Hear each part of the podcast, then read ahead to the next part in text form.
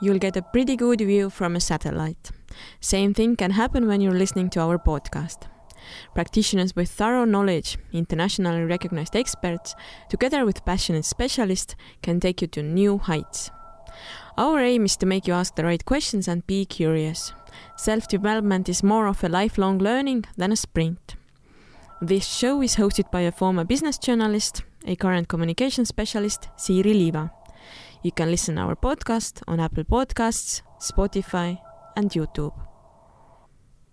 So today we're going to discuss with uh, Peter Vesterbacka Hey. uh, and Andreas Weisbach um, educational innovation, um, modern approaches to business, including scientific approaches, and the role of good leadership uh, in educational innovation.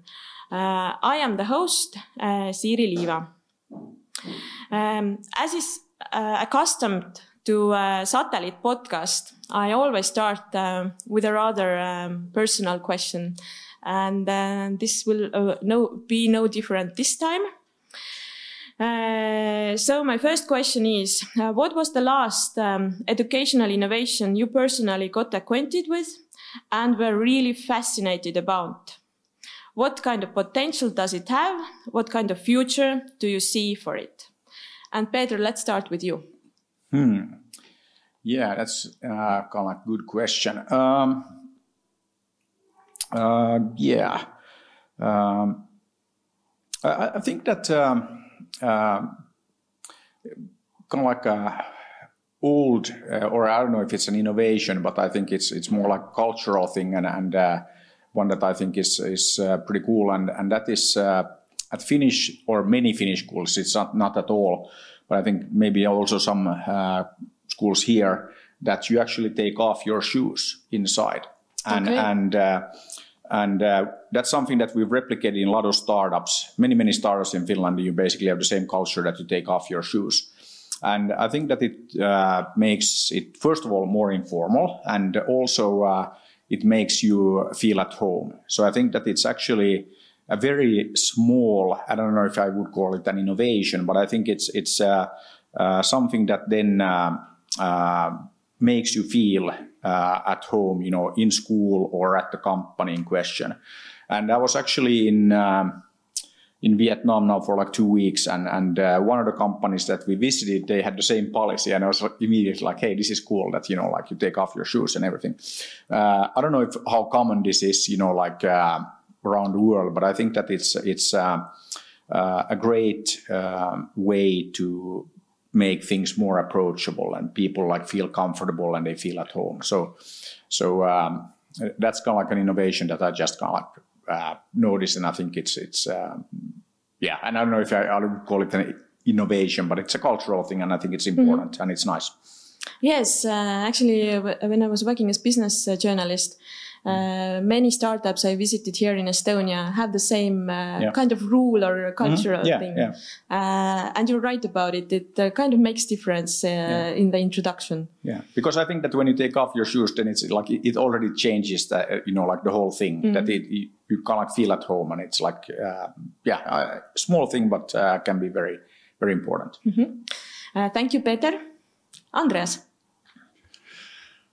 Um, yeah, the latest one probably for me was uh, I teach from time to time courses uh, on subjects which I'm interested in, and because my interest is in things like history, philosophy, and literature, I was teaching a course on Greek mythology. Greek so mythology. on on on Odyssey and the Greek sort of uh, civilization uh, civilization before uh, before its dark ages as well.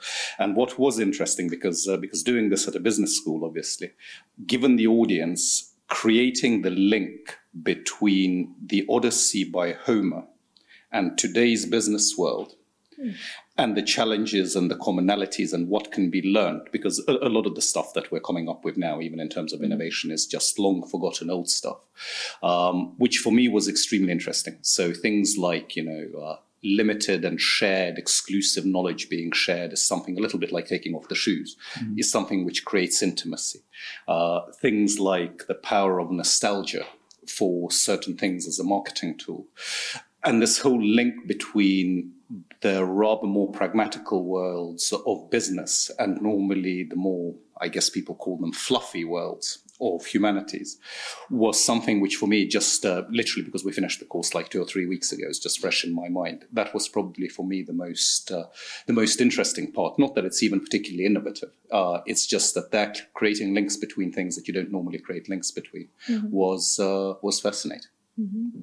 I think in uh, many fields there is a saying that uh, um, uh, we shouldn't forget about history, but we should uh, learn from it. Uh, so, we in that sense, it's also bringing uh, um, parallels with Greek mythology in business field as well. There is another saying which says the only thing history teaches you is that you can learn nothing from history. So yeah, yeah, yeah. Because, it, because it tends to repeat itself. Unfortunately, at times it can. okay.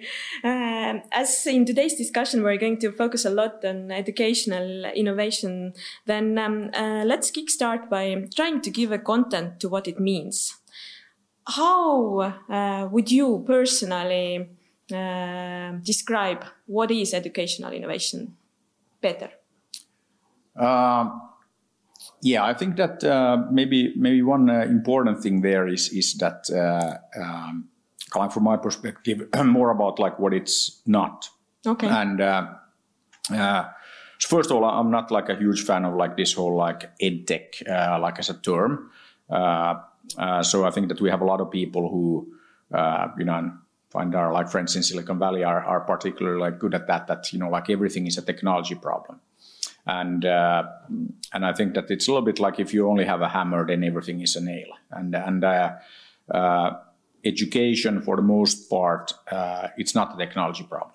I mean it's it's. Um, um, you can uh, it's a little bit like in business if you have like a bad process if you automate it it's still bad so uh, if you have a bad educational system and then you can't like make it digital, you automate it, it's still like super bad.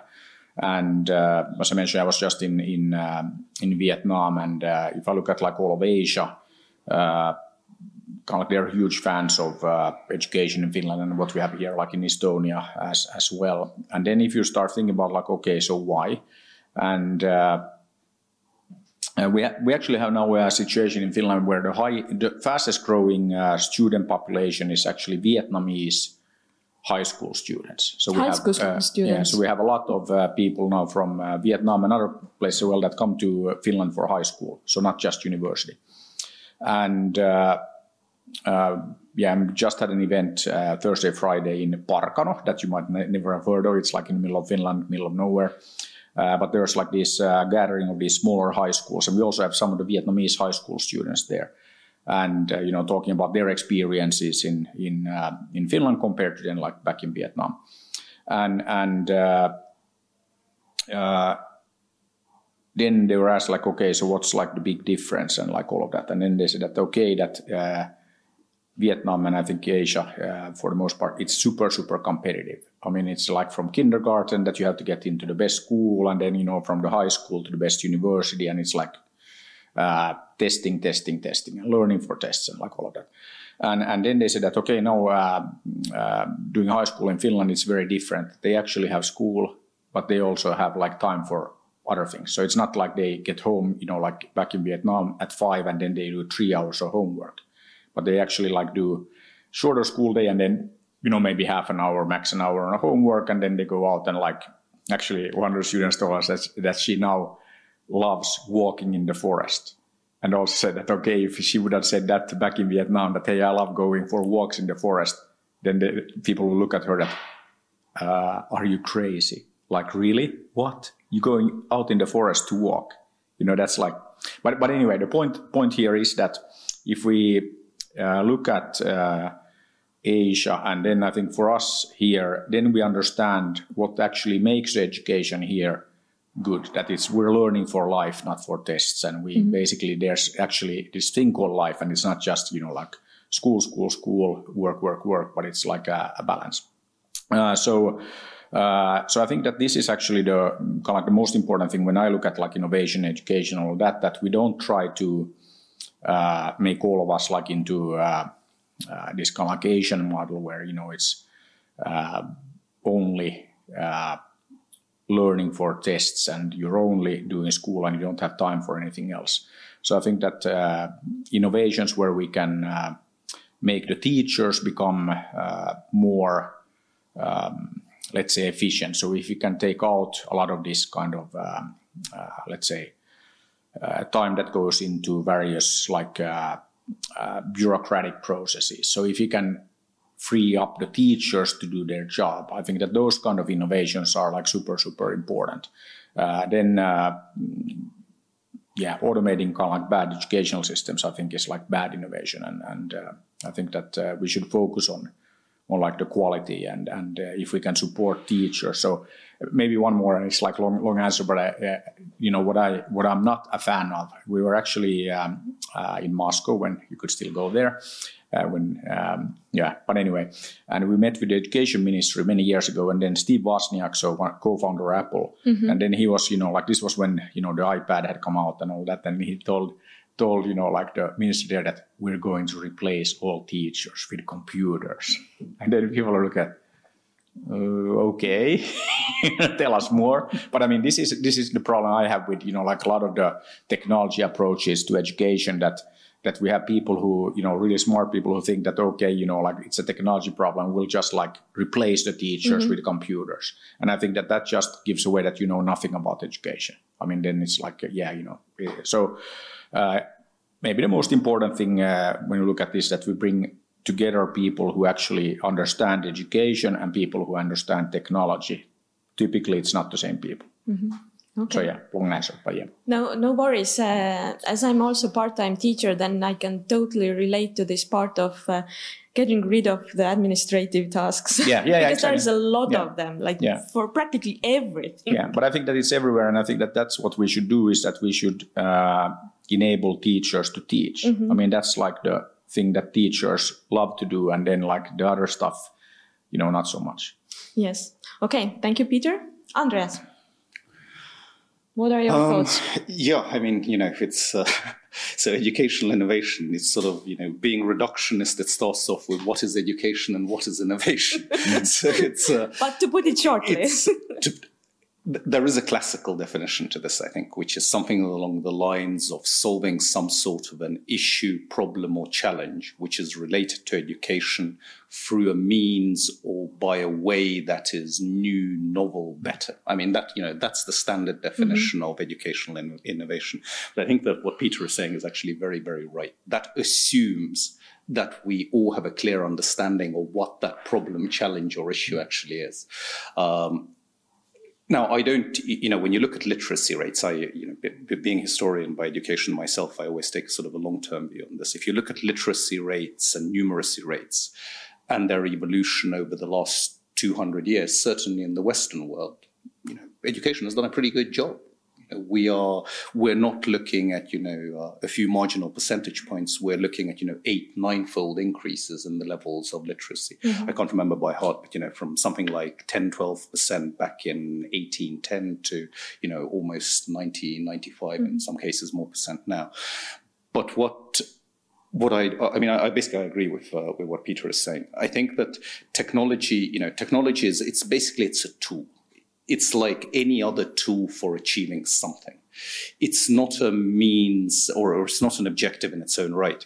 Um, so what perhaps I see, again, it, it, depends a little bit on the educational systems, but what I see a lot in this part of the world is not just studying to learn for tests, but the answer to question, the answer which education answers is quite often the answer to the question how. Mm-hmm. You know, how you do things. At times, there is an answer to the question, what?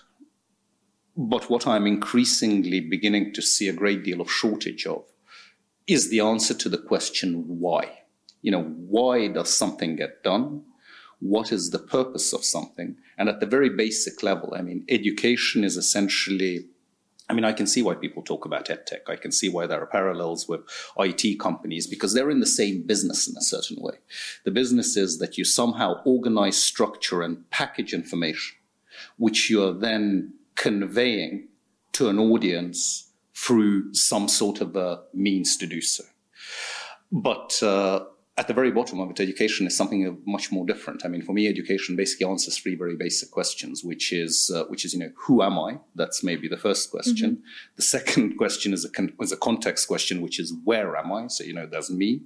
Then there is what is around me. Mm-hmm. And then the third question is, you know, what am I and what are we actually doing? Mm-hmm. Which is what is the activity between the me and the context and the us and the context. Um, so a short answer to this is uh, the short answer to this is it's somehow solving a problem through a new way. The long answer is I think really taking a very deep look at the fundamental of what is this word education actually supposed to be addressing, mm-hmm. and that uh, at times I fear we're falling a little bit short on because the value of a walk in a forest quite often is uh, you know significantly greater than the value of two hours uh, spent uh, you know staring at a computer screen, watching a lecture at uh, at two times the nominal speed to cover it to cover it quickly. So, or trying to remember something uh, very meticulously. Exactly. Uh, at the same time. Uh, okay. Um, one of the first stories I wrote as a business journalist uh, some eight years ago uh, was about educational innovation in India. Um, it was um, about the educational initiative of Professor Sugata Mitra, who had been leading different educational innovation uh, initiatives uh, for 30 years. And he called uh, his initiatives or experiments hole in the wall mm-hmm. experiments because he believed that a group of children is able to learn anything if you give them access to internet and take into account uh, their inquisitive nature and give them moderate um, guiding. Peter, would you agree with this uh, approach? Uh, yeah, I mean, it, it definitely works. And I, I think that uh, uh, kids and like humans in general can figure it out and figure out pretty much anything. So, so I think that that's, and it's also kind of like the role of the teacher is is really uh, or or should be more more of a coach, and I think that that is also uh, in in many places kind of like a big uh, transformation that that again uh, you have to move away from this uh, uh, know all you know like role of the teacher. And again, an example there that we when we started this, you know, I mentioned this high school program and, and uh, international students now going to high school in, in, in Finland. So we then uh, when we started, we also sent teachers to uh, you know to Uzbekistan as, as one example, and then we had a Finnish teacher, uh, Miljana. She was in a small city called Sarashan, and then teaching Finnish, you know, the Finnish language, and she had been there like for a month when we visited. And this was kind of like last year, and and then all the kids uh, told us that Miljana is the best teacher ever, you know, and and and they were like, okay, so like uh, she's been here for a month, and you know, like so why? Mm-hmm. And then then they said that yeah, because she's like a normal person, and and and I think that this is again, you know, like uh, we just take that for granted that you know, like teachers are people too, you know, mm-hmm. like it's just like the way it is. Mm-hmm. And I mean, of course, some teachers might want uh, that to be a bit different and like in the good old days when you know like you mm-hmm. had respect and you know kids didn't like uh, uh, uh, question and challenge you like all the time but but the point that the, the uzbek kids were making that then you know like uh, now they have this teacher from finland and you know she's a normal person and you can like talk to her and you can like discuss and like all of that so, so I think that then you know with your like uh, or the, the India example of like uh, hole in the wall and, and you know like having access to the internet and a bit of guidance, and I think that that's actually uh, how it should work that the teachers help guide uh, the students and, and uh, help them uh, learn to learn. Mm-hmm. And, and I think that's something that is kind of like very important. And, uh, and, and it's, it's uh, many times you get better results when you step away. And I think this again, coming back to this like uh, Asian model and the challenges is that there, in many cases, you still have this situation where you tell people, you tell the students that don't do this, don't do this, don't do this, do this, do this, do this. You're being told what to do, what not to do, what? like all the time. And then you learn that that is how it works and you don't like take any initiative yourself. And I think that this is the exact opposite of what we need. We need people now who can take initiative and you know can go to that hole in the wall and they will like Google and you know find out and like then you know like whatever it is. Mm-hmm. and then you know like uh, the teacher's role is just that okay that's like the hole in the wall go there and okay yeah there's this Google thing and like blah blah blah and then you'll figure it out. Uh, so I think that uh, the India ex- experiment is actually uh, very good and it's actually uh, really really like describing what education uh, today should be about. The, and this professor actually he even got the um, uh, prize for one of his initiatives. Uh, he made uh, retired teachers uh, uh, support children in uh, uh, various ages and various. Uh, uh, subjects, uh, so that they were like kind of grannies who were supporting those children. Okay, Andreas, any thoughts you want to add? Well, the short answer to your question is yes. it's, uh, I'm, uh, I mean, I'm not, uh, I'm, I'm, I'm by no means, you know, an expert on pedagogical approaches or teaching, but if you combine curiosity, autonomy, purpose, and a sense of direction, I think the outcome is always going to be a pretty is always going to be a pretty good one. And maybe actually just to just to widen on that, I mean, I, I, I only say it because my because my wife is a neuroscientist who deals with this a bit. In fact, she teaches a course called uh, "Learning How to Learn."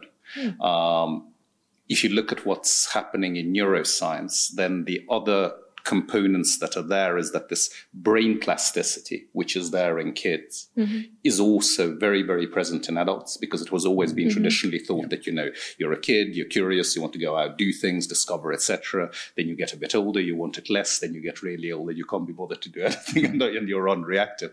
Uh, so that apparently is not true. Is that the same applies very much to adults? That's a good news. It is w- well for uh, well for me. It's good news for, for the rest of, for everybody else. I can't speak. and then maybe maybe also there is one other element that I would add to it, which is related to stress, which is that which is that your cognitive performance is generally inhibited by high stress levels. So if you're able to do this in an environment which is rather supportive, rather guiding, and not exactly as Peter was saying, you know, this, no, don't do it. This, no, don't do it. This, oh, you must be really stupid. I mean, you know, just uh, essentially removing the stress element uh, generally tends to enhance uh, enhance performance. But then again, you know, um, I can only speculate on this because this is something which I actually know very little about. But just logically, it seems to me to make sense. Okay. Um, Peter, what is your opinion? Is true educational innovation um, taking uh, place more in um, developing countries than in developed countries? Uh, impossible to answer. I, I have no like data on that, but but uh, I think that uh, it, it's happening everywhere. So then you know, uh, is it more in a particular place than than somewhere else? Difficult to say. But uh, I I think that uh, there's kind of like no limit, um, you know, geographically speaking, or or then uh, from kind of like market maturity or or anything like that yeah, I, I might even you know like um, say that uh, I think that there might be more innovation happening in uh, like less developed uh, kind of like markets and de- developed like uh, educational systems. So so uh, typically when you get, get um, same thing with like big companies, big corporations that you have like rules uh, and regulations for everything. So I think that if you're like a bit less developed, then there's more freedom to kind of like innovate and, and do new things. So so uh, And you have also maybe less resources, so you have to be more. yeah uh, yeah and typically typically that helps if you, you don't have everything and i think that that's actually my, one concern if i look at education in in in um, in finland and, and if you look at like education in the west in general that uh, you know we're things are pretty good so then you're like it's a little bit like why bother we are in a, in our comfort zones. yeah yeah yeah Okay, Andres.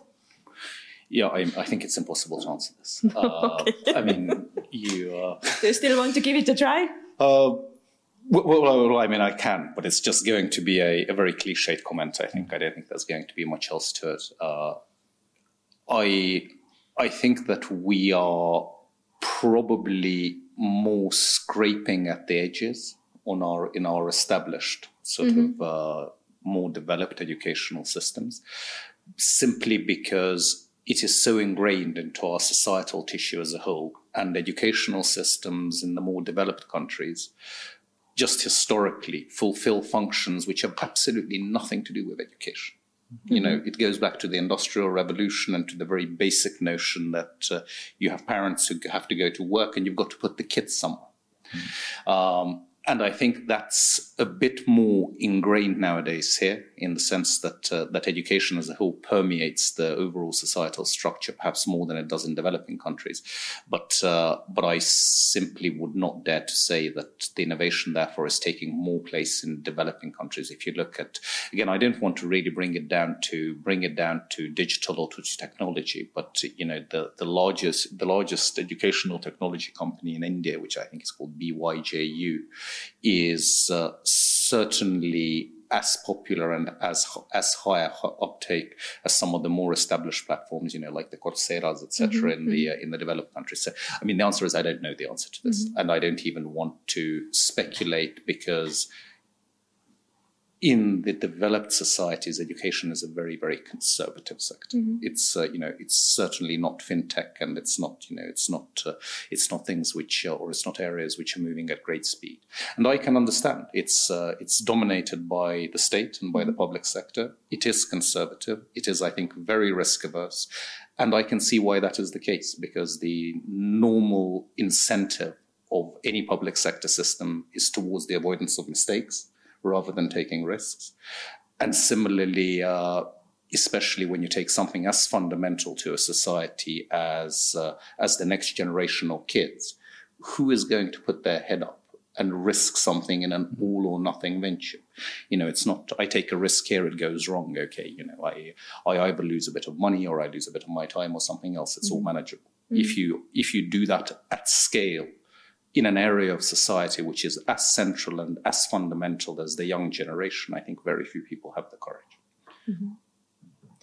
Okay, Peter, you want to add something or react on something? No, but I, th- I think it's it's a good point that uh, many places then uh, schools and education uh, also fulfill KALAK roles uh, and responsibilities that, that have nothing to do with with KALAK learning or anything mm-hmm. like that. And, and, it just reminded me. I had a discussion with uh, Arne Duncan, who was uh, Secretary of Education for Obama.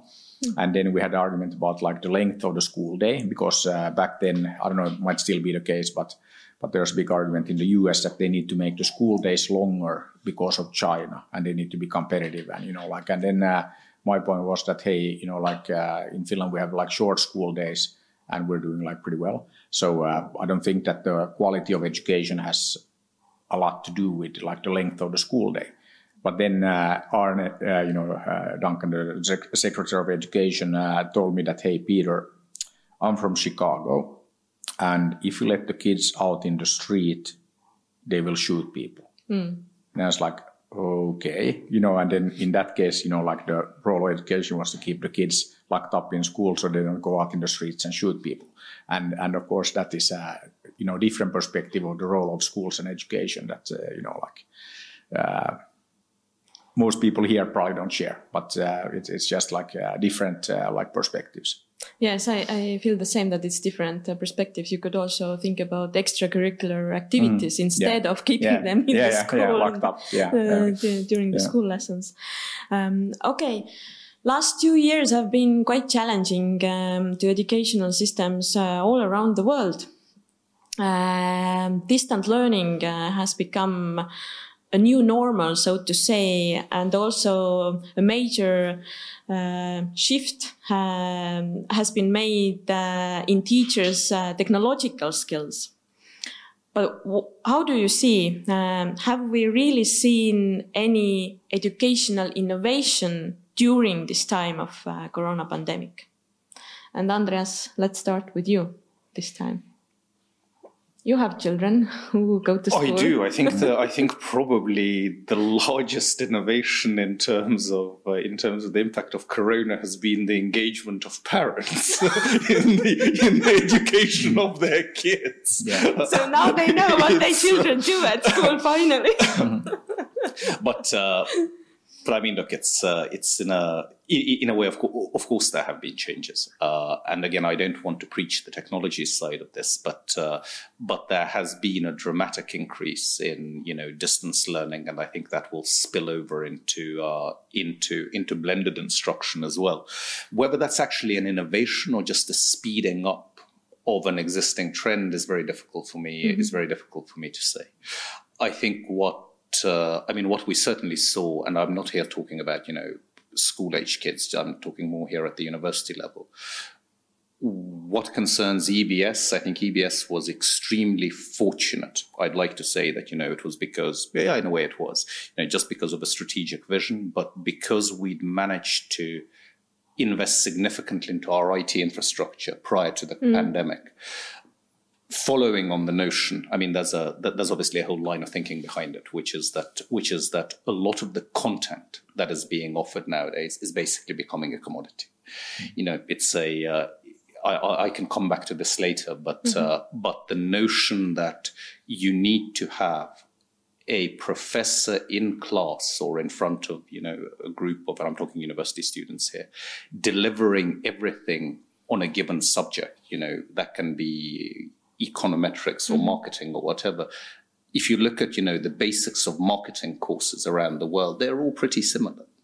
Mm-hmm. So you have an option now. You either go to a business school, pay a significant amount of money mm-hmm. to attend this course, or you go to, you know, YouTube. edX or uh, or Coursera or to you or to YouTube, in mm-hmm. fact, and you get you know pretty much the same content. Mm-hmm. Um, so I see that there have been some speeding up of things. I mean, we are increasingly being, I mean, inspired perhaps is, uh, is, is the wrong word here, but we're certainly trying to learn a lot from a number of experiments in faculties going on around the world, mm-hmm. which is that there are, there are actually professors who are designing their course in a way that three quarters of the course is a combination of MOOCs in effect. Mm. MOOCs, sorry, MOOCs being massive, uh, massive online courses. Mm.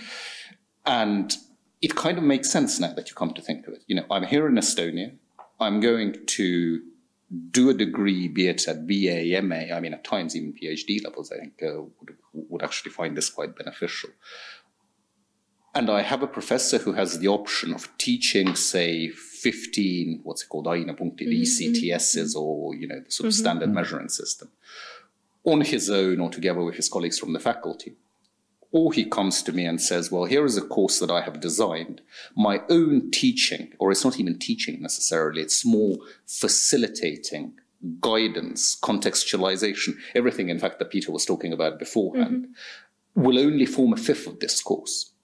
But your course on marketing will consist of, on, of an online course by a professor from Harvard three ECTS, mm-hmm. from a professor from Oxford, three ECTS, a professor at Stanford, three ECTS, and some other professors. Some are all looking at different angles of the problem. And then we will spend, you know, 20 hours in class, in workshops, discussing, debating this between ourselves. Now, what do you achieve with that? With that? You achieve a dramatic reduction in the cost of what you're doing because I mean, you know, we're not going to going to go to the basics of the digital economy here, but you know, this is easily replicable. In fact, it's there already. Mm-hmm. Uh, and you, if I was if I was thinking about you know university once again, I think long and hard whether it makes more sense for me to pay thirty dollars for a Harvard professor's course on marketing, or go and buy the same thing, you know, from from wherever I happen to be. Mm-hmm. So you improve the quality, you decrease the cost, both for the school and for the student, and you add value where it is your role to add value, which is to the specific circumstances of the cohort or the group that you happen to be teaching. I mean, what is there not to like about this? So I think that, you know, things like these, so I think that there, it has sped up a number of innovations. But, but what it has also, I think, made us very aware of is the fact that uh, students are dying, or sorry, they're not anymore, they were dying to get back to school. Because uh, it gets a bit boring sitting in front of the screen all the time. yes time. you want the social interaction and Exactly. the social context and that you know is uh, is as much a part of your educational experience which is to make you a functioning member of society in a certain way than you know sitting there learning formulas all day which which I don't uh, I don't for a moment disagree that it's extremely important but uh, but you know education once again has slightly more than opening your head and pouring in content so it's uh, Yes, it's also about emo- emotional intelligence and social skills. Uh, this also plays a huge role how you get by in life in addition to your knowledge. Peter, have you seen any major educational innovations during the last year because of corona pandemic? I don't know if we've seen uh, any kind of like major, major like breakthroughs, but I, I think that the most important thing is that uh, now uh, every everybody understands that uh, that it works. So I mean that basically uh, you can have uh, people attending things remotely. Uh, but I think that for the most part, uh, it's just that. So I mean, we haven't really changed. Uh, we still, for the most part, teachers are then just you know like uh, doing a normal lesson and it just happens that people then sit uh, behind like a Google Meet or Zoom or, or whatever. Uh, but I think that the important thing uh, is really that now it's, you know, like it's accepted and uh, it's, it's just like normal. So I think that that is uh, really important. And, and then uh, I hope that we'll see um, kind of like more innovative uses and, and also that, uh, you know, pandemic or not, that why not then make use of this that you know if you really don't have any um, anything besides like a standard lecture or lesson then you know like people might just as well you know attend remotely. And then you know you can have more of the uh, and different interaction like in class uh, when people are are kind of like uh, present. So so i think that uh, that we we could make um, all of education like more flexible like that. And i think that we can have uh, increased mobility. And and i think also that um, uh, we can uh, we should start looking at like the whole like system that uh, you know again if you think about uh, you know smaller nations smaller cities villages uh, remote areas uh, all of that uh, you know finland estonia good examples that you know like maybe uh, we have in the whole country uh, just a handful of people who want to learn say vietnamese. So then you know like okay it doesn't make sense that you know that okay in this small village can we have like uh, vietnamese lessons? And okay we don't even have a teacher. But okay if we have one in estonia then we can deliver that to kind of like any school. And we can we can start like making things a bit more um, uh, like available and, and accessible. So i think that, that that's uh, things that we we need to um, start rethinking how we deliver these things that it doesn't always have to be like in class and 20 people show up or whatever it is. So so i think that, that that that is something that i hope that we'll see more like innovation and more like new ways of using these things. That, uh, that uh, for the most part i think that we just uh, you know we we made it remote and and that's it. So there's like not much innovation in that. I think that that's just like business as usual. So uh, of course, there are some exceptions, and people are using the tools more efficiently. But but for the most part, it was just like, okay, now you're sitting behind a screen instead of sitting behind your desk, yeah, in class. So so uh, uh, yeah, I, I don't think that we saw any. I mean, there are innovations happening all the time, but uh, yeah, I, I don't think that we saw any kind of like major major like innovation. Okay, moving on now from the deep uh, discussions on educational system to um, business sector um, in general, where uh, during the last, let's say, 20 years, uh, there have been uh, major s- shifts. We are talking about old economy, uh, we are talking about new economy, uh, and companies who represent um, um, uh, this or that. Um, Peter, you have been um, a lot uh, connected to different kind of startups. You have also um, initiated uh, probably uh, the world uh, best known startup event, Slush. Um, what was your idea behind uh, this initiative? Yeah, I mean, like uh, actually, Slush story goes way back. So it kind of started with uh, uh, me giving a speech to 600 students at Aalto University in 2007. So you know, long time ago. 15 years. Yeah, yeah, yeah, yeah, really long time. But, it, but anyway, so so but but the, the, thing is that you know back then then I, I, I was talking about startups and entrepreneurship, and I was like actually my uh, the title of my talk was that it's okay to be an entrepreneur. You know, so that was like kind of like the thing. It's like a very Finnish and I think Estonian thing that we're kind of like, uh, you know, when people ask us how we're doing, you know, like, yeah, it's okay. You know, even if it's like best day or ever. normal. Yeah, you know, it's okay, like, yeah, normal. it's like just, you know, like it is what it is. But anyway, so, so my point also there that, of course, you know, then that it's fantastic to be an entrepreneur is, is uh, kind of like, uh, the, the message, but, uh, but yeah it's okay. Uh, but yeah, so so um, then then uh, I was talking about that and you know sharing some uh, experiences, uh, startup success stories, and you know like uh, stuff like that. And then I asked the students, okay, like how many of you guys are gonna start a company or join a startup, you know, once you graduate, or you know like even before. And in 2007, 600 of our best students, three raised their hand. You know, all the others wanted to go and work for Nokia or Kone or Wärtsilä or the government, you know, or something like that. And and uh, you know, meaning that everybody just was interested in kind of like, uh, you know, good job maintaining the status quo. You know, like let's not rock the boat, and you know, like all of that. So then, uh, of course, that's like uh, super like uh, sad, and you know, like a big concern that if nobody kind of like wants to change the world, it's not going to be like good thing.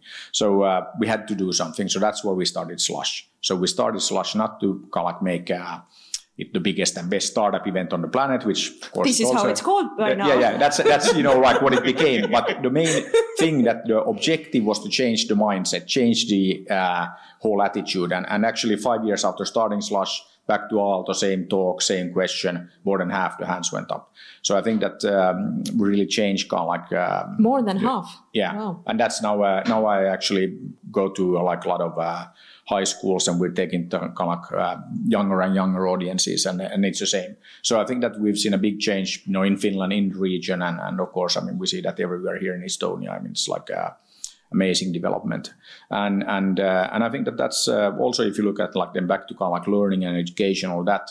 If you look at Slush, it's actually the biggest um, kind of like entrepreneurial learning program. So we have 2,600 volunteers from more than 60 countries that make it happen. Mm. So you basically do slush as a volunteer for a year, two, three years. So you learn how to build the biggest and best startup event, and then you go out and build the biggest and best startups. And we have many, many examples of that. So I think that um, uh, we, we need these kind of um, things, and I think events are are uh, a good uh, tool uh, for making this kind of transformation happen. Uh, so so uh, that's kind of like why why we started uh, Slush. And uh, I mean, it's, it's kind of like a never-ending kind of like um, change and, and, and, challenge. But but it's it's yeah, as I always say, it's a good start. yes, it's a very good start. Andreas, um, what do you think? What is the role of startups in bringing innovative ways of um, either teaching business or being uh, entrepreneurial? Well, being entrepreneurial is what a startup does. so you would imagine that it's a uh, that they have quite a lot to contribute. I, I, mean, I mean, sorry, I will actually answer the question, but but what Peter says is uh, is actually fundamental, and the reason it's fundamental is that it's not just at the sort of micro level of what we have in Finland and Estonia, mm. but this is something. I think there are systematic surveys which compare the entrepreneurial attitudes of young people in China, in the US, and in the EU. Mm-hmm. And this is one of the greatest weaknesses that the EU has. I understand. Except for here. Yeah, exactly. I mean, basically, exactly. we're like way ahead of rest of Europe. Exactly. Anyway, yeah. No, no, no. But, but, but, yeah. but you're right. Yeah. Uh, except for here, and maybe a couple of other, other places like Berlin, Barcelona. You know, which nah, are Berlin has nothing. Come on, so. nah. Berlin and Barcelona is just marketing. I mean, you it's think like it's purely marketing? Yeah, yeah. I mean, Germany. Yeah, you know, like if you go to Germany, go to Berlin. You know, what do they do? They copy everything. German people copy everything.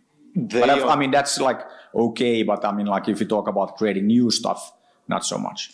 So uh, yeah, but but anyway, I mean, I, I think no, no, but but, yeah. but it's a, but, it's a, it's a fair point. Yeah. I, I think that culturally, actually, you're right. Given the systematic way in which Germany has ridden the industrial wave, which is very structured, yeah, I mean, which is cars. very orderly, nice exactly, and I think that it's the culture is very good for that. But in the more chaotic mm-hmm. environment of you know what's happening everywhere, I think that they're probably not as well equipped. The general point was mm-hmm. uh, was that basically in both China and the US, the proportion of young people who want to become entrepreneurs is almost yeah. twice as big or twice as yeah. high, sorry, as it is in the in the EU. Uh, notwithstanding the point that this is a it, it is a different uh, story, I think here for us. But answering your question, I think that this is a so the short answer is startups as well as established companies actually mm-hmm. and not i would even go beyond the business sector mm-hmm. which comes back to this notion of what we were discussing with the hole in the wall problem, mm-hmm. which actually is a much older yeah. one, bringing back to people learning best when they do things. Yes. So this learning by doing is yes. absolutely central. Yeah. And uh, again, let's let's actually look at the innovations that have come out over the last, say, two or three decades. I would say that the output or the innovation which has emerged from non-academic environments has dramatically exceeded that which has emerged from academic environments. It is not quite as simple as that because a lot of the groundwork, especially in terms of base science or basic mm-hmm. science and basic research, has obviously been done at universities. Mm-hmm. And, you know, you can quote the different parts and components of the iPhone, which have come together, you know, through university environments. But my point is that this, we've, we've always, the educational model tends to be quite linear. You know, you're born, mm-hmm. you go to kindergarten, you go to school, you go to university if you're lucky, you do a BA, mm-hmm. you do an MA, you do a PhD. You know, at, a, at one stage, you either stay there and you spend your life in academia, or you leave the academic environment and supposedly start implementing what you have learned mm-hmm. in the real world. And a lot of the notion, and this is also a part of actually what we're trying to do at EBS, is to turn that in a way where the interaction is much more two way. Because undoubtedly, especially in areas of entrepreneurship, management, marketing, I mean, you know, basically what a business school does, the practical experience is out there in the real world. Mm-hmm. So it's not just bringing in practitioners to teach, but it's also actually linking to the sort of, let's call it the, the overall academic quality and academic output, what gets done in the real world. So, in a way, I think, uh, again, I speak here purely from, from what I see as a business school perspective, is that we, in a certain way, see ourselves as becoming an odd hybrid between a degree university, mm-hmm. a research institute, a consultancy, an accelerator, incubator, venture builder slash equity investor, in effect.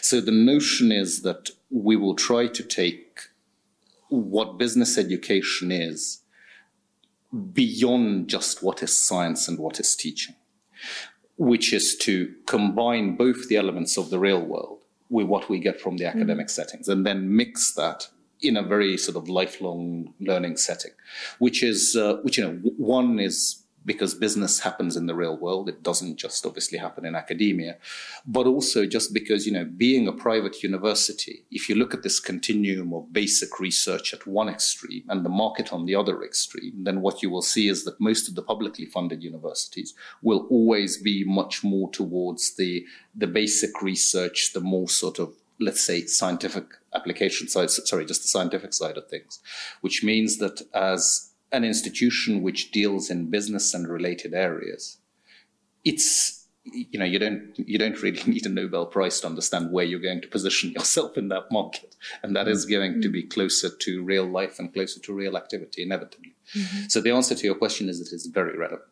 Mm-hmm. Okay, Peter. Mm-hmm. Yeah, I, I think uh, I always kind of like define um, entrepreneurship and like entrepreneurs are people who do things. And I think that, uh, yeah, from my perspective, it, it really kind of like is uh, as simple as that. And we need this kind of like entrepreneurial mindset, uh, not only in startups, but we need that in big companies, in government, we need it everywhere. So people need to kind of like do stuff. Uh, then then um, I, I, also think that it's like very interesting, and it's absolutely like the the thing that we need to look at is is you know like if you compare now U.S., China, EU, and then kind of like this uh, uh, entrepreneurial mindset and attitude and like all of that. Uh, I think that um, uh, we can do better, but then I think that we're we're doing.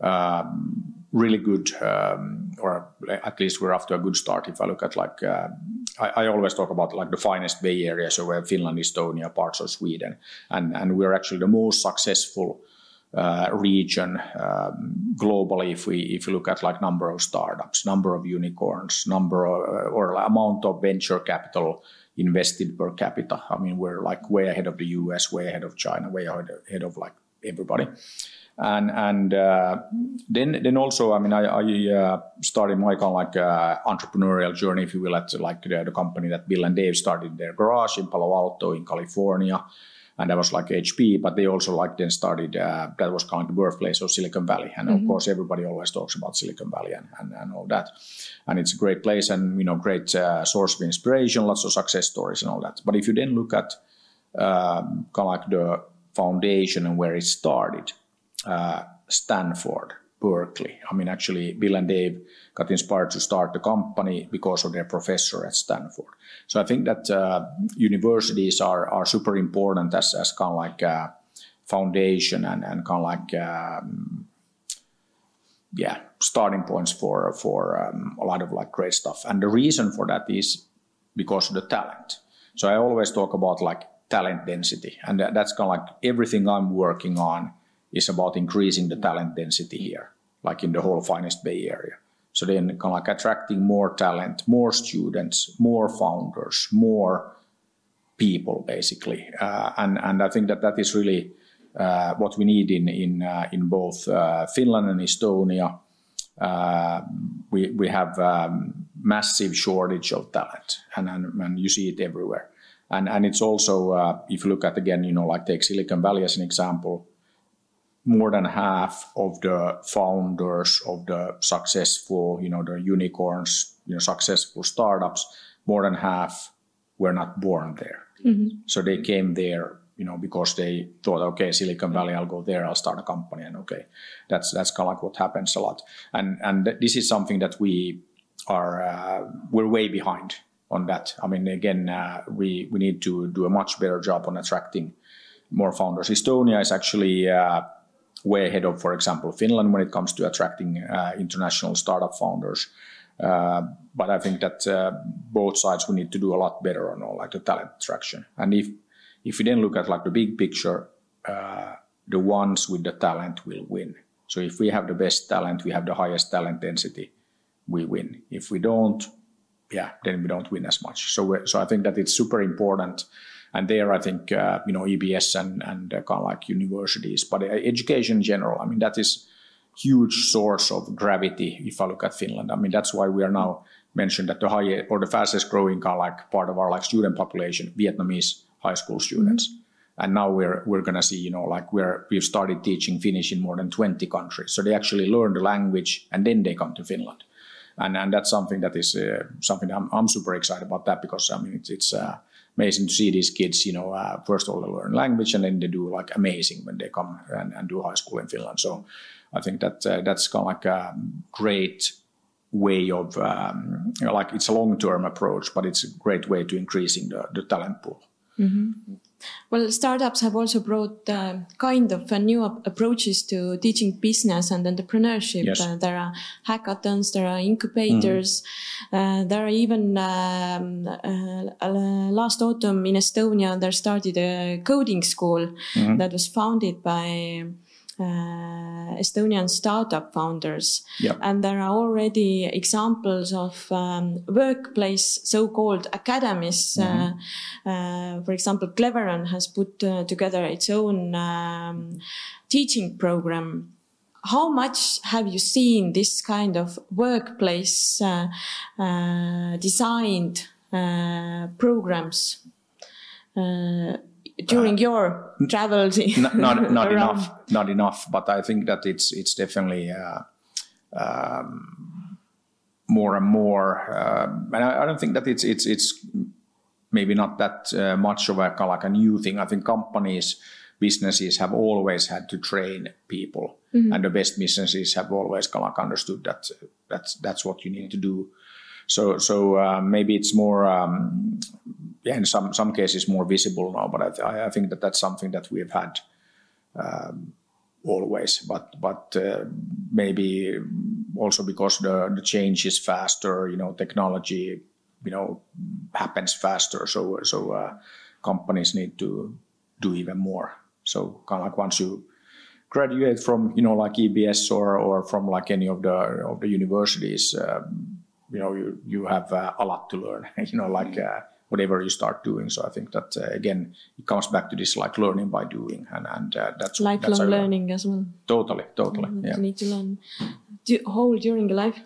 Uh, okay, um, Andreas, I understand that uh, EBS is also taking somewhat innovative approach to doctoral studies we will be testing an approach which is uh, what we would call, I think, you know, you can call it a sort of an applied, or I would almost call it an experimental PhD. But basically, we're splitting our PhD into into two tracks. One of which is a more sort of classical academic one, and the second one is essentially this uh, learning by doing mm-hmm. approach. Mm-hmm. And there are whether so let's see how it works. We are we've literally just launched it, but the idea is that uh, a lot of what is involved in doing a PhD. One, a PhD is not, you know, in my mind at least, is not something that always needs to be defined. You go to a place, you stay there for 4 mm-hmm. years, you do your research, you write your thesis, you get your PhD. I mean, again, why? Why can your PhD not be something that you are basically for which you're collecting the data live? So your PhD thesis does not need to be, uh, I don't know, the economic development of Guatemala between 1982 and 1984. Mm-hmm. And let's analyze that for 4 mm-hmm. years and come up with something which, you know, contributes to the literature. You can do the data collection essentially live in terms of implementing your own business idea. And the PhD would, in a certain way, be a PhD plus, is that yes, you get all the requisites for a PhD, so the compulsory courses, the elective courses, combine that with what you're calling about acceleration and incubation. So mm-hmm. you have a very intense period of the theory to practice part. And then your data collection in the end is part and parcel of the job that you're doing. Now, there are undoubtedly complications related to this, but the plus part or the PhD plus side comes that it also allows to build a long term partnership with the people who are doing this PhD mm-hmm. and provide them not only with the courses and the supervision, but also anything else they need. Product development, okay. Marketing, okay. Capital, okay. I mean, you're essentially, you're essentially linking what we've sort of been talking about all for the last hour, which is the academic environment and ecosystem with the real world. You could argue that this is something which would normally be, you know, more like an MBA program rather than a PhD, but we're going to test it in the framework mm-hmm. of the PhD program because we actually, because I don't think it's really been done in this shape. Okay, that's I've what I wanted to ask. I've seen, are there any other this kind of examples? So, so there are a number of industrial PhDs out there okay. which is the notion of you come and you know part of the track is certainly open to that which is that you come from a company to do your phd mm-hmm. at a university to solve a specific problem which is relevant to your company so that side i think is more established this notion of doing essentially i mean it's a phd in management in the end but doing a phd on the basis of building your own venture is not something I've really seen around too much, mm-hmm. I have to say. Okay, and you're going to start this uh, this autumn, yeah. right? Okay. Well, fingers crossed that it will uh, succeed. fingers crossed, but it's uh, you know let's not be too too worried about um, you know we try it. It sounds really in- interesting in the sense that you can uh, right away apply it uh, in your own company. Sure, it's uh, yeah that's the uh, that's basically the idea. Uh, mm-hmm. I think that we will see probably in two or three years exactly how well it has mm-hmm. worked. But uh, but the idea is, I mean, the idea is very clear. The mm-hmm. idea is instead of talking about mm-hmm. how we have to link academia and mm-hmm. business, let's actually do it, mm-hmm. as opposed to you know carry on talking about. It. That's another great problem that we have uh, again in the EU as a whole Mm-hmm. Is that uh, is that you know number of publications we're world leaders, number of patents we're world leaders. When it comes to actually applying the stuff in real life, uh, we are not quite as good. Lagging behind. So uh, having talked about it for 15 years, I think uh, we're now going to try and do it. Okay. Peter, how does this uh, idea sound to you? Sounds good. Sounds good. So again, it's about doing. So I think it's, it's all, always good. Exactly. it's, it's always uh, good. Okay, um, Peter, how does uh, leading educational innovations differ from leading or initiating regular business innovations? Yeah, I, I don't think that there's like uh, any or, or any kind of like big difference. So I think that it's it's. Uh, um, yeah, very very much like the same thing lead anything. So so I think that uh, uh, of course big big uh, believer in like leading by examples. Mm-hmm. That's always kind of like good and uh, kind of works in in our kind of like culture and and uh, that's that's always always one thing. And then uh, I think that it's about um, a lot of it boils down to communication. So kind of like just telling people uh, what we're up to and what we're doing, you know, and, and uh, just repeating uh, hundreds or even thousands of times. So I think that's uh, in all all kinds of leadership. You always have to remember that you might know or think you know where we need to go, but rest mm-hmm. of the mm-hmm. team uh, not so much. So. Uh, uh, so it, it's it's again even if you know, don't assume that everybody else understands and and uh, and knows what what uh, needs to be done. So so you need to kind of like communicate and uh, communicate and communicate and communicate some more. So I think that that's really um, super important. So you need to talk talk with people and and share. I, I think that is really uh, at the core, uh, no matter what you do. Mm-hmm. Okay, explain the aim, so to say. Andreas, do you want to add something? Uh, actually, no. I think I don't think there is a great deal of difference. Okay. Very good. And uh, to wrap up the topic, uh, Andreas, um, some tips for people working in uh, educational system who really want to innovate. Where should they start? Oof it's well, not that hard question. well, it, it, it is. It is. It can be only one suggestion. it is. It is actually quite a hard question because it is an area which is not easy to innovate in. But I would suggest that the innovation should probably uh, start because I, I, I, have a number of friends who've been active in this sector a long time, and they're mm-hmm. always torn between do I do something small, tangible, very practical locally, or do I try to change the whole system? Mm-hmm. And on the basis of the experiences that they have been describing, my advice would probably be to start at a, at a low level of granularity, mm-hmm. sorry, at a high level of granularity. Mm-hmm. So identify the problem or identify what you want to achieve in a way that you can actually make a tangible difference and mm-hmm. then try to scale it rather than take the take a systemic view i mean you have to understand the system but take a systemic view and try to change the system as a whole uh, it is uh, it is a difficult environment which mm-hmm. to change um, i totally agree so so that would be uh, that would probably um, that would probably be the uh, be the main piece of advice is mm-hmm. to is to start with something that you're good at and something that identifies a clear problem that you want to solve in a highly granular mm-hmm. way as opposed to saying we're going to change you know the entire education mm-hmm. system of the world that can be the ultimate objective but uh, but i'd start from a lower level in this domain at least so. Mm-hmm. okay peter what kind of advice would you give yeah, just to do it. I, I think that it's it's again just like do just it. yeah, just do it. and uh, just kind of like start. So I think mm-hmm. that it's it's um, uh, yeah, I mean, we're, we're very, very good at always kind of like uh, over analyzing and, and uh, you know, like overthinking uh, stuff. So I think that it's, it's in, uh, in education uh, or, or any, any kind of like area, uh, just need to get started. And, and then, yeah, I mean, it makes sense to kind of like do something that is, is kind of like tangible and, and all of that. But I think ultimately you always want to change the world. So, I think that uh, that's kind of like my perspective is that okay, sometimes it takes 20 years to change the world, but that's you know like fine. But you have to start sometime. Mm-hmm. Okay, well that uh, wraps up our today's topic. but not the podcast itself yet, because uh, as our regular listeners uh, already know, at the end of each episode, we have three traditional questions. And uh, I will ask these three questions from you as well.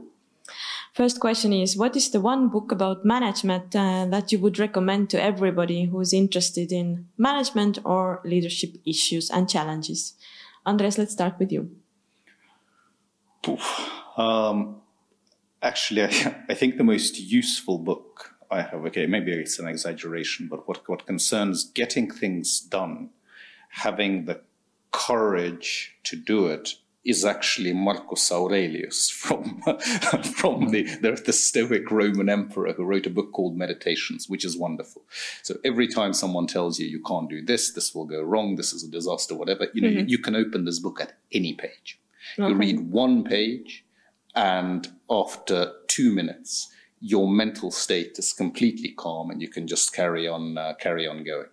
Uh, so I will stop there. There are a number of other, you know, more contemporary business books. We don't have to go back two thousand years. But this is the first time uh, we have heard this kind of recommendation. But thank you.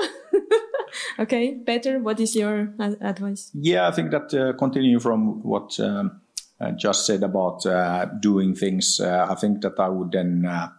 Pick Malcolm Gladwell's Blink because that's mm. a book about like actually not overthinking and analyzing things, but actually just like uh, using uh, your intuition and, and kind of like deciding. And, and uh, I think that that's something that's very important in in uh, management, in leadership, in you know like getting stuff done. That that it's uh, always, you know, like ask that when is a good time to start a company. And I always say that, okay, yesterday, but, you know, like today is a pretty good day today as, as well. So, you know, it's, it's always this that it's so easy to find, you know, that, oh, but, you know, what if it doesn't work? Mm-hmm. You know, mm-hmm. as you say, you know, like, or it's impossible. The excuses. The excuses are super easy, but I, I think that, uh, yeah, it's just uh, better to, you know, like, uh, yeah, trust your instincts and mm-hmm. your intuition and just like get it done. Yes, I've read this book. Uh, mm. I agree with your recommendation. It has helped me as well to make quicker decisions. Very okay, second question. What is uh, the one piece of advice you would always give about managing teams or, or leadership? Andreas? I think this is this is an easy one. Uh, okay, let's which hear it. is always hire people who are better than you. Mm-hmm. Or, I mean, of course, it's more nuanced hire people who are better than you, who are different to you, who can do something mm-hmm. better than you. I mean, the, the message doesn't change from that. Uh, the message is, you know, don't don't be insecure and think that you know everything about the world yourself. Mm-hmm. Always uh, bring in people who are basically in an ideal world, yes, better than you. Mm-hmm. Okay, wonderful. Thank you, Peter. Yeah, I, I agree with that. And then uh, that what I, I, said before as well, that then uh, also remember to talk with people mm-hmm. like all the time.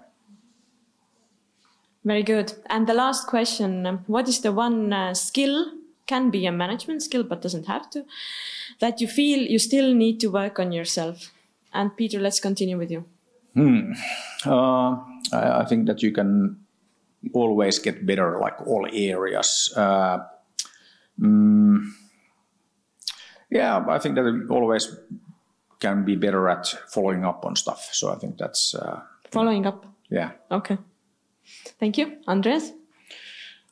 Oh, for me, it's easy. I think it's prioritization because I, I tend to get very excited by things quickly mm-hmm. uh, and very enthusiastic about them, and you end up, you know, with a with a to do list which is a is a is a hundred things, mm-hmm. and then you end up in a situation where you where you just put pressure on yourself because you uh, because you have too much to do. So prioritization is uh, is clearly one of the areas that uh, that I think needs working on a bit.